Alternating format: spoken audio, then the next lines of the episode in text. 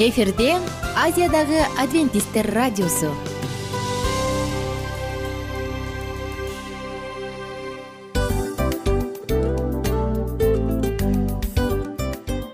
Достор салют. Баардык сүйүктүү угармандарыбызга салам айтабыз. Кутман күнүңүздөр менен.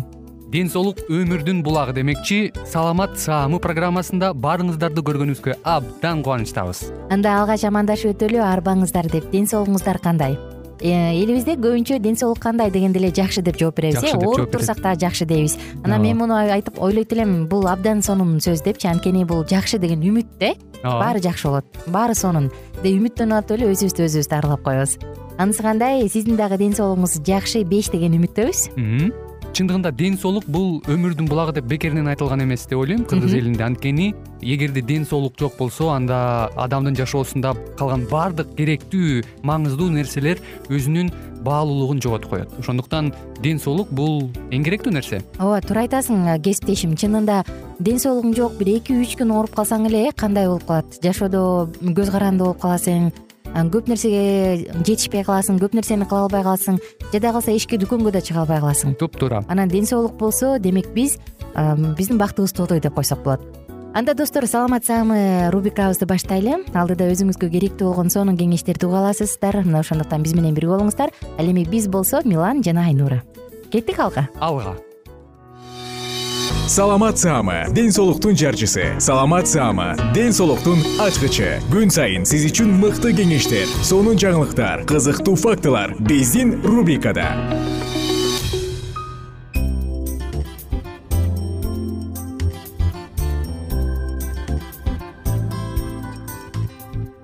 Салам достор биздин сүйүктүү угармандарыбыздын баардыгына ысык салам айтып кайрадан саламат саамы рубрикасын баштап отурабыз жана бүгүн сиздер менен бирге артроз жөнүндө сөз кылабыз. Ии бутум ай бутум ооруп атат бутум какшап атат тизелерим ай тизелерим муздап атат деген апаларыбызды аталарыбызды уксак керек. Азыркы күндө ата апалар эмес жаштардын арасынан да кездештирсе болот э? Муундардын оорусу буттардын оорусу миниски үзүлүп кетиптир ии анан мындай болуптур деген ушундай учурлар көп. Ай сайын алты айда бир үч айда бир укол сайдырып өзүнүн ден соолугуна кам көрүп тилекке каршы калыбына келбеген нерсе үчүн күрөшүп калгандар бар. Анда эмесе бул тема сизге тааныш болсо жана жакын болсо анда биз менен бирге болуңуз деп чакырабыз. Бүгүнкү темабыз дал ушул артроз. Эске сала кетсем саламат саама деп аталган цикл жана бул циклда биз пайдалуу суусундуктар деп аталган сонун дагы чоң циклды баштаганбыз. Баардык пайдалуу суусундуктар кандай гана оору болбосун ага даба болуп бере турган суусундуктарды дал ушул биздин уктуруубуздан уга аласыздар. Кеттик анда достор бүгүнкү темабыз артроз. Эмне болгон оору? Алгач артроз менен таанышып алсак э? Негизи артроз бул муундардын өнөкөт оорусу. Хронический оору деп коет эмеспи? Орусча көбүрөөк мындай таанышы кубат болуш керек өнөкөт оору.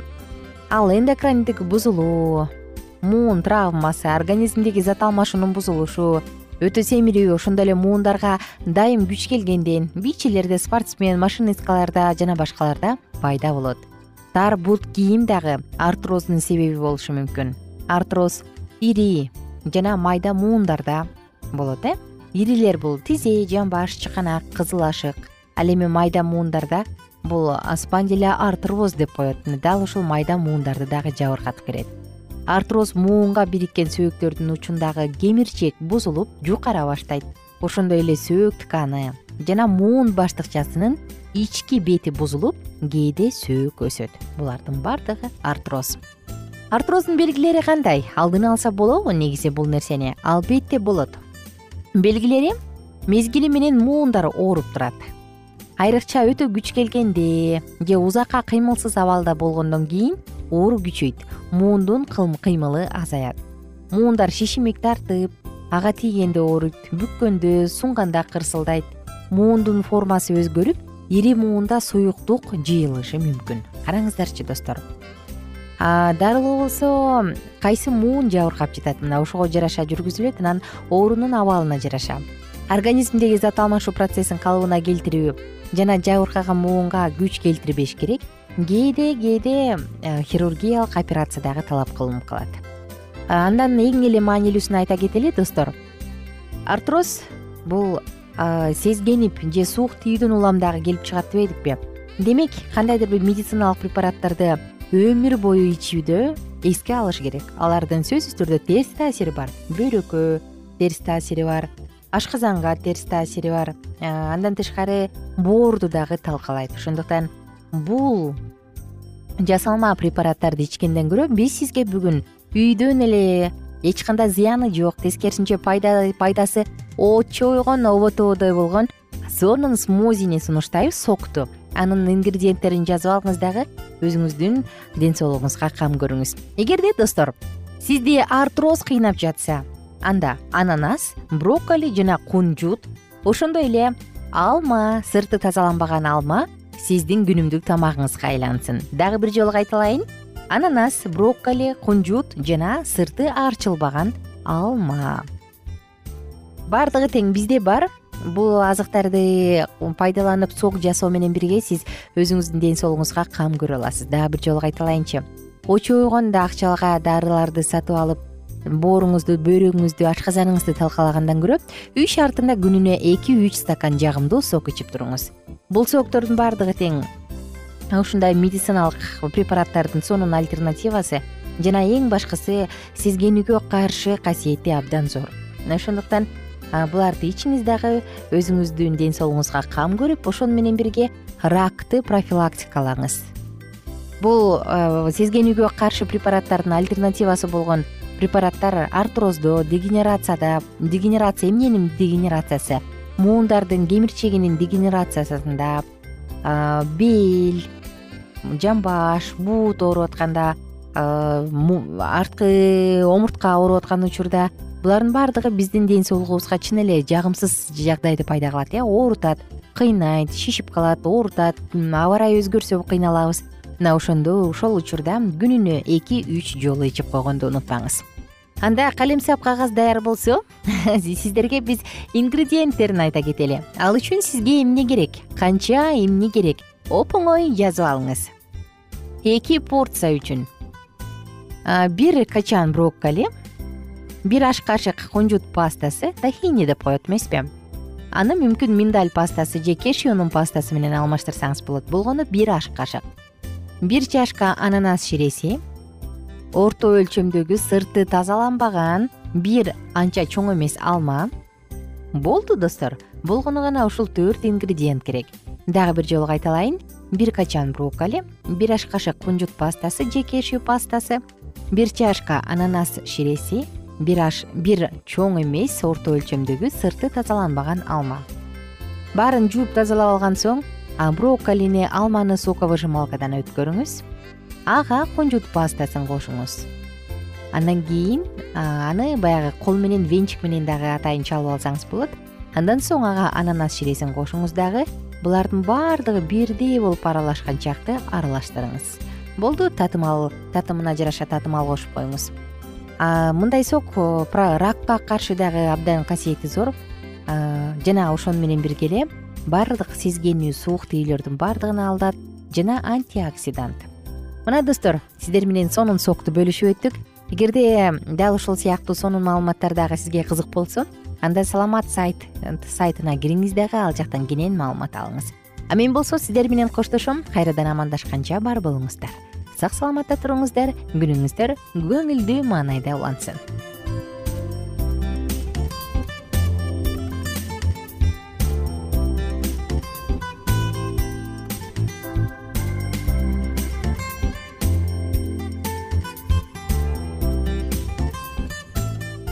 кененирээк маалыматтар үчүн үч w чекит саламат чекит клуб сайтына келип таанышыңыздар.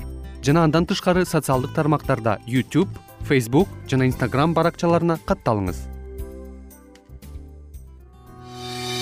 Саламат саама ден соолуктун жарчысы. Саламат саама ден соолуктун ачкычы. Күн сайын сиз үчүн мыкты кеңештер сонун жаңылыктар кызыктуу фактылар. Биздин рубрикада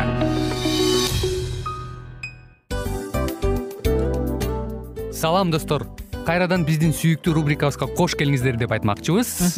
Баардык замандаштарыбызга арбаңыздар деп саламыбызды айтабыз. Улуу ушундай бир урматтаган учурашуу менен анан дил маек радио баракчабызга чакырабыз. Негизи дил маек биздин рубрикабызда эмне жөнүндө кеп кылабыз бул дил маектин мааниси эмнеде рубрикабыз менен кичине тааныштырып кетсеңиз. Сөзсүз түрдө тааныштыра кетейин кесиптешим суранычы боюнча бул учурда бул радио баракчада биз ар тарап кесип ээлеринен сонун кеңештерди алабыз сүйлөшөбүз сырдашабыз. Аталарыбыздын эжелерибиздин апаларыбыздын кеңештерин угабыз айтор жан дүйнөгө адамдын э, сапатына адамдын деги эле адам болуп жашашына керектүү баардык кеңештер алдыда.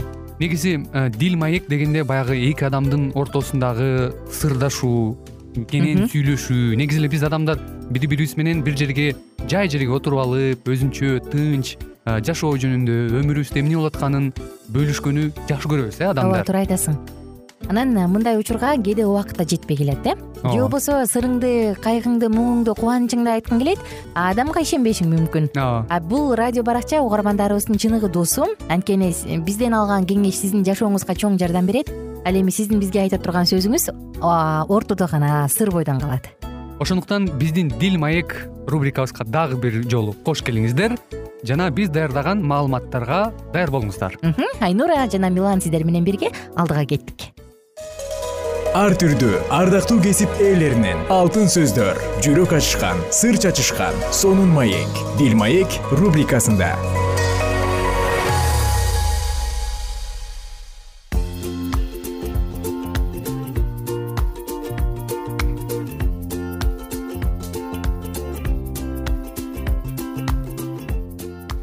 салам достор. Сиздер менен бирге беш саатыбызды улантабыз. Жана жалпы угармандарыбызды дил маек уктуруусуна кош келиңиздер деп чакырабыз. Бүгүнкү тема бетаниялык мариям өткөн уктуруубузда бетаниялык марта же анын бир тууган сиңдиси жөнүндө сөз кылбадык белек. Бүгүн болсо бетаниялык мариям жөнүндө сөз кылабыз.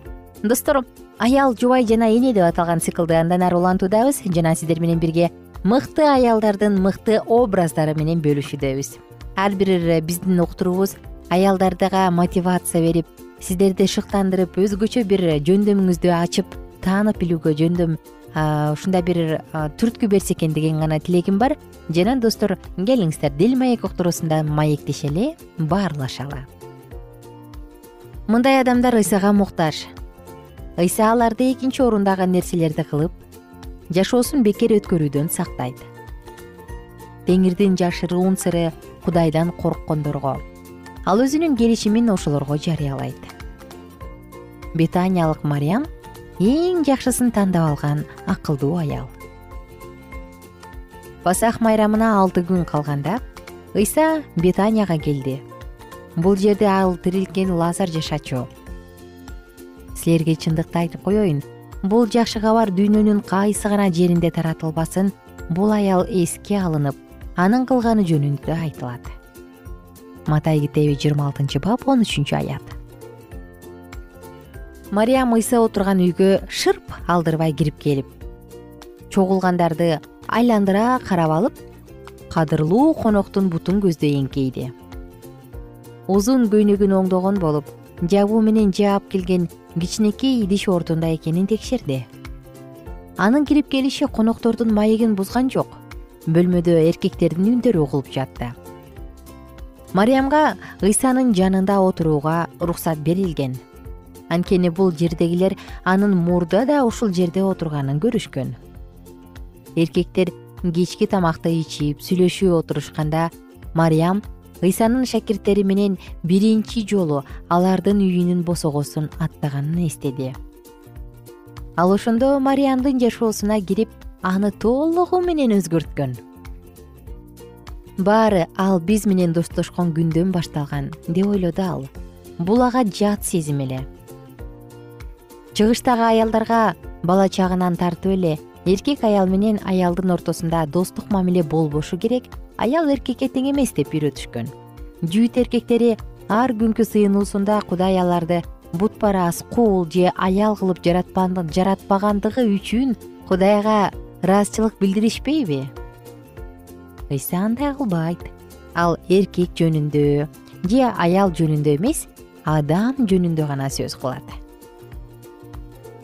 Ал аял менен эркекти бирдей көрөт. Ага мурда билбеген мүмкүнчүлүктөрдү түзүп берет. Ал аны жаңы маанилүү орунга коет. Ыйсанын жанында болуу ушунчалык жакшы болгондуктан мариям анын сөзүн угуп отурган эркектердин арасында да өзүн эркин сезет. Ыйсанын сөздөрүн укканда мариямдын кудайга кызмат кылгысы келет. Машаяк аркылуу ал жашоосунун маңызын жана максатын түшүндү. Мен кудай үчүн жаратылгам. Анын эрки менен жашайм деген ишеним өсө берди. Бул анын жашоосун жаңы мазмунга ээ кылып алдында жаңы мейкиндиктерди ачып берди. Мунун баарын ал машаяк менен болгон мамилелешүүдөн сезди. Бул анын жашоосунун максаты кудайга кызмат кылуу андан үйрөнүү анын милдети. Ал ыйсанын сөздөрүн угууну эңсейт. Адамга өзүнүн денелик гана керектүүлөрүн канааттандыруу жетишсиз. Анын жүрөгү кудай сөзүнө толушу керек. Ал ыйсанын сөздөрүнө шыктанып аны таанып билүүсү артып күчүмдүн жетишинче ага кызмат кылам деген чечими бекемделе берди. Жүрөгүндө ыраазычылык ашып ташып турду ал сүйлөп жаткан эркектерди карады. Андан соң анын көңүлү устатты жана башкаларды коноктоп жаткан мартага бурулду. Марта ыйса сен үчүн да өтө көп нерсе кылды деп ойлоду ал. Марта булардын арасындагы өтө ишкер адам. Анын кызматынан теңирге болгон сүйүүсүн көрүүгө болот.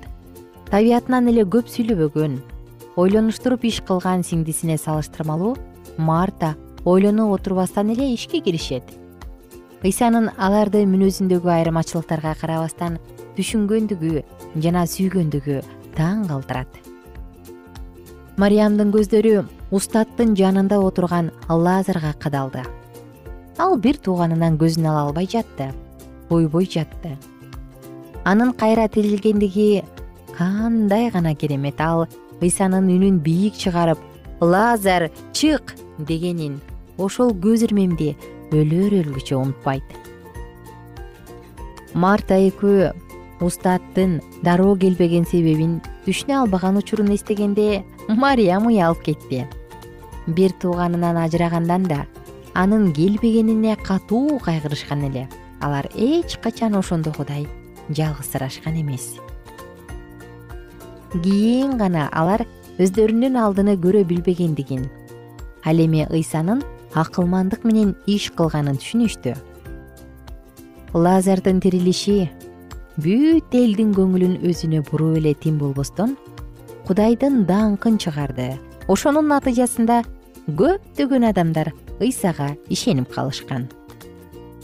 Ардактуу достор бүгүн сиздер менен дагы биз мариям тууралуу сөз кылдык. Мариям тууралуу ыйык жазуудан абдан сонун сөздөрдү окусаңыз болот. Ал бир нече жерде эскертилет. Эгерде кызык болсо сөзсүз түрдө. Жакшы кабар китебин баштан аякка окуп чыгыңыз. Бул аял менен кененирээк таанышасыз. А биз болсо сиздер менен коштошобуз жана кийинки уктурууда окуя андан ары эмне болгон мариямдын тагдыры эмне болгон мына бул тууралуу сөз кылабыз. Достор азырынча болсо сиздер менен коштошобуз. Жана күнүңүздөр көңүлдүү маанайда улансын деп гана айтмакчымын бар болуңуздар кайрадан амандашканча сак саламатта туруңуздар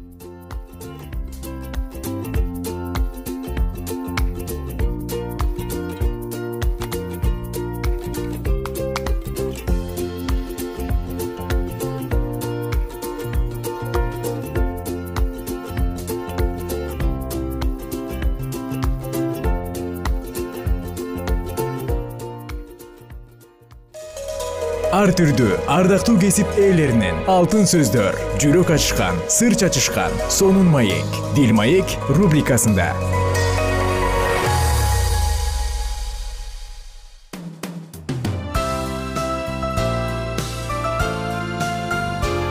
Эфирде азиядагы адвентисттер радиосу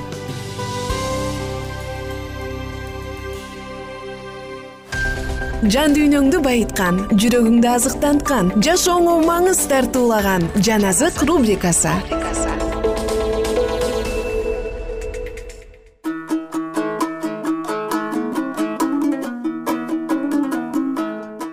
Салам достор баардык угармандарыбызга салам айтып кайрадан сиздер менен жан азык уктуруусундабыз жан дүйнөбүздү азыктандырчу учурдабыз кимдир бирөө айтыптыр адамдын ичинде эки карышкыр бар деп. Бири ак күчтүү жакшы карышкыр бири жаман күчтүү карышкыр деп.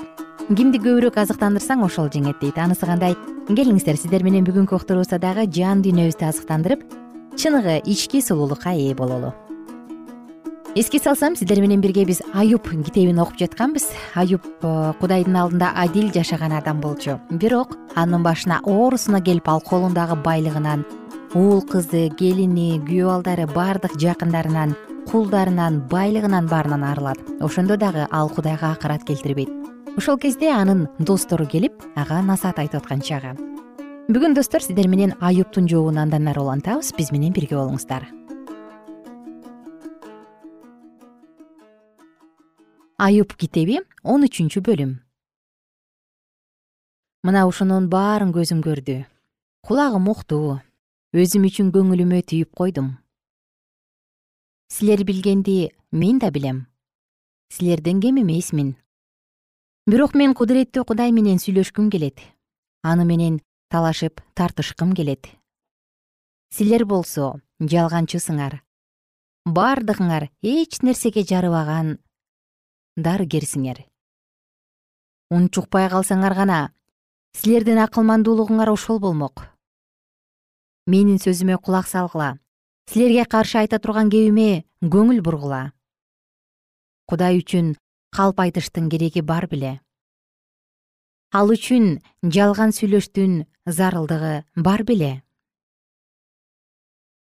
Кудайга бет карамал кылыштын кереги бар беле. Аны ушинтип жактоонун кереги бар беле. Ал силерди сынаса жакшы болот беле аны да адамды алдагандай алдай аласыңарбы? Тымызыын эки жүздүүлүк кылсаңар да ал силерди катуу жазалайт анын улуулугу силерди коркутпайбы? Анын коркунучу силерди каптабайбы? Силердин эскертүүңөр гүлгө окшош. Силердин таяныч чебиңер ылай коргондор. Менин алдымда ун чукпай тургула башыма кандай күн түшсө түшсүн мен сүйлөйүн. Эмне үчүн мен өз денемди өз тишим менен тиштегилешим керек? Эмне үчүн өз жанымды өз колум менен кыйышым керек? Мына ал мени өлтүрүп жатат бирок мен андан үмүт кылам. Анын алдында өз жолумду коргосом эле болду. Ушунун өзү эле менин акталуум эмеспи. Анткени эки жүздүү адам анын алдында келбейт менин сөзүмдү куунт коюп уккула. Менин түшүнгөнүмө кулак салгыла. Мен өз ишимди сотко өткөрүүгө даярмын. Анткени меники туура экенин билем. Менин айтканыма каршы чыга ала турган адам барбы? Эгерде бар болсо мен унчукпай өлүп калмакмын. Мага эки нерсени гана кылба. Ошондо мен сенин жүзүңдөн жашынбайм. Менден колуңду тарт. Сенин коркунучуң мени калтыратпасын ошондо мени чакыр мен сага жооп берейин. Же мен сүйлөйүн сен мага жооп бер. Менин канча кемчилигим канча күнөөм бар. Айыбым менен күнөөмдү көрсөт. Эмне себептен менден жүзүңдү жашырасың? Эмне себептен мени өзүңө душман санайсың? Сен үзүлгөн жалбыракты кыйратып жаткан жоксуңбу куураган бир тал самандын артынан сая түшкөн жоксуңбу? Анткени мага каршы ачуу айыптоолорду жазып жатасың. Жаш кездеги күнөөлөрүмдү мойнума коюп жатасың. Буттарымды көзөнөк жыгач калканга салып жатасың. Менин баскан изимди аңдып турасың артымдан сая түшөсүң. Мен болсо чириген нерседей жок болуп баратам күбөжеген кийимдей болуп калдым аялдан туулган адамдын өмүрү кыска жана азапка толгон. Ал гүл сыяктуу чыгат да соолуп күйүлүп калат. Көлөкөдөй качат токтобойт. Сен ушундай адамга да көзүңдү кадайсыңбы? Мени өзүң менен соттошууга алып барасыңбы? Таза эместен ким таза болуп туруп өлсүн эч ким эгерде анын өмүрүн ченеп койсоң ай күндөрү сенин колуңда турса эгерде сен анын өтө албаган чегин чектеп койсоң анда андан жүзүңдү бур. Ал жалчынын күндөрүндө болгон күндөрү бүткүчө эс алып алсын. Даракта үмүт бар ал кыйылса да кайра өсөт. Чырпыктары токтоосуз чыга берет. Эгерде анын жердеги тамыры картайып дүмүрүн топурак басып калса да сууну сезери менен жаш чырпык чыгарып жаңы отургузулган көчөттөй болуп бутактарын жаят.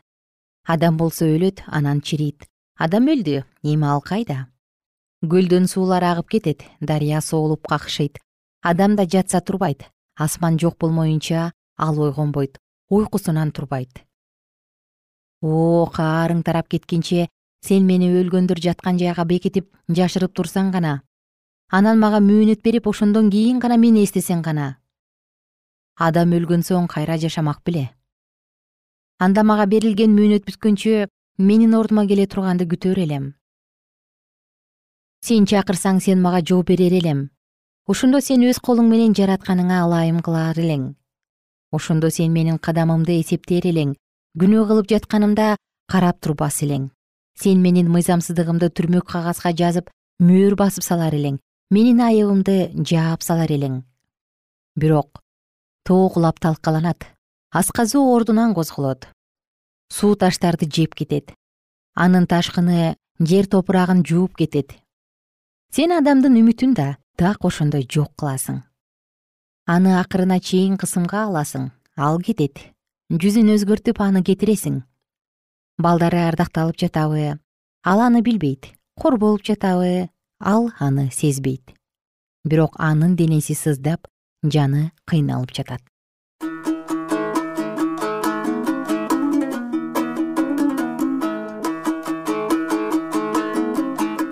Достор биз кийинки уктурууда темабызды андан ары улантабыз. Бул э, аюп китебин караңыздарчы кандай гана сонун сөздөр. Бир гана ойлонууга гана кезек келди жана сиздер менен убактылуу коштошом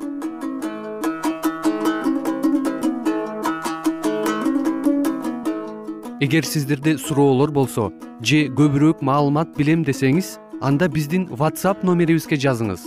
Плюс бир үч жүз бир жети жүз алтымыш алтымыш жетимиш. Кайрадан плюс бир үч жүз бир жети жүз алтымыш алтымыш жетимиш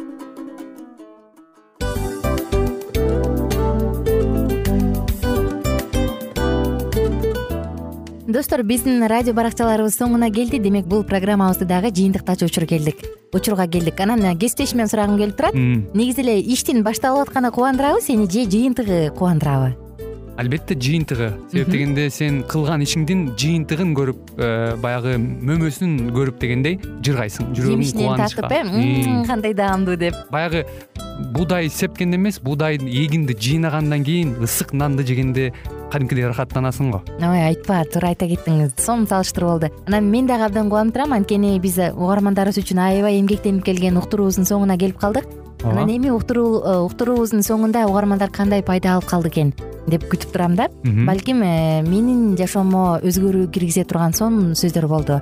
Мен ушул нерсени изилдеп анан кабыл албасам ушул нерсени кылбасам деген чечим чыгарсаңыз анда биз абдан кубанычтабыз. Сөзсүз түрдө.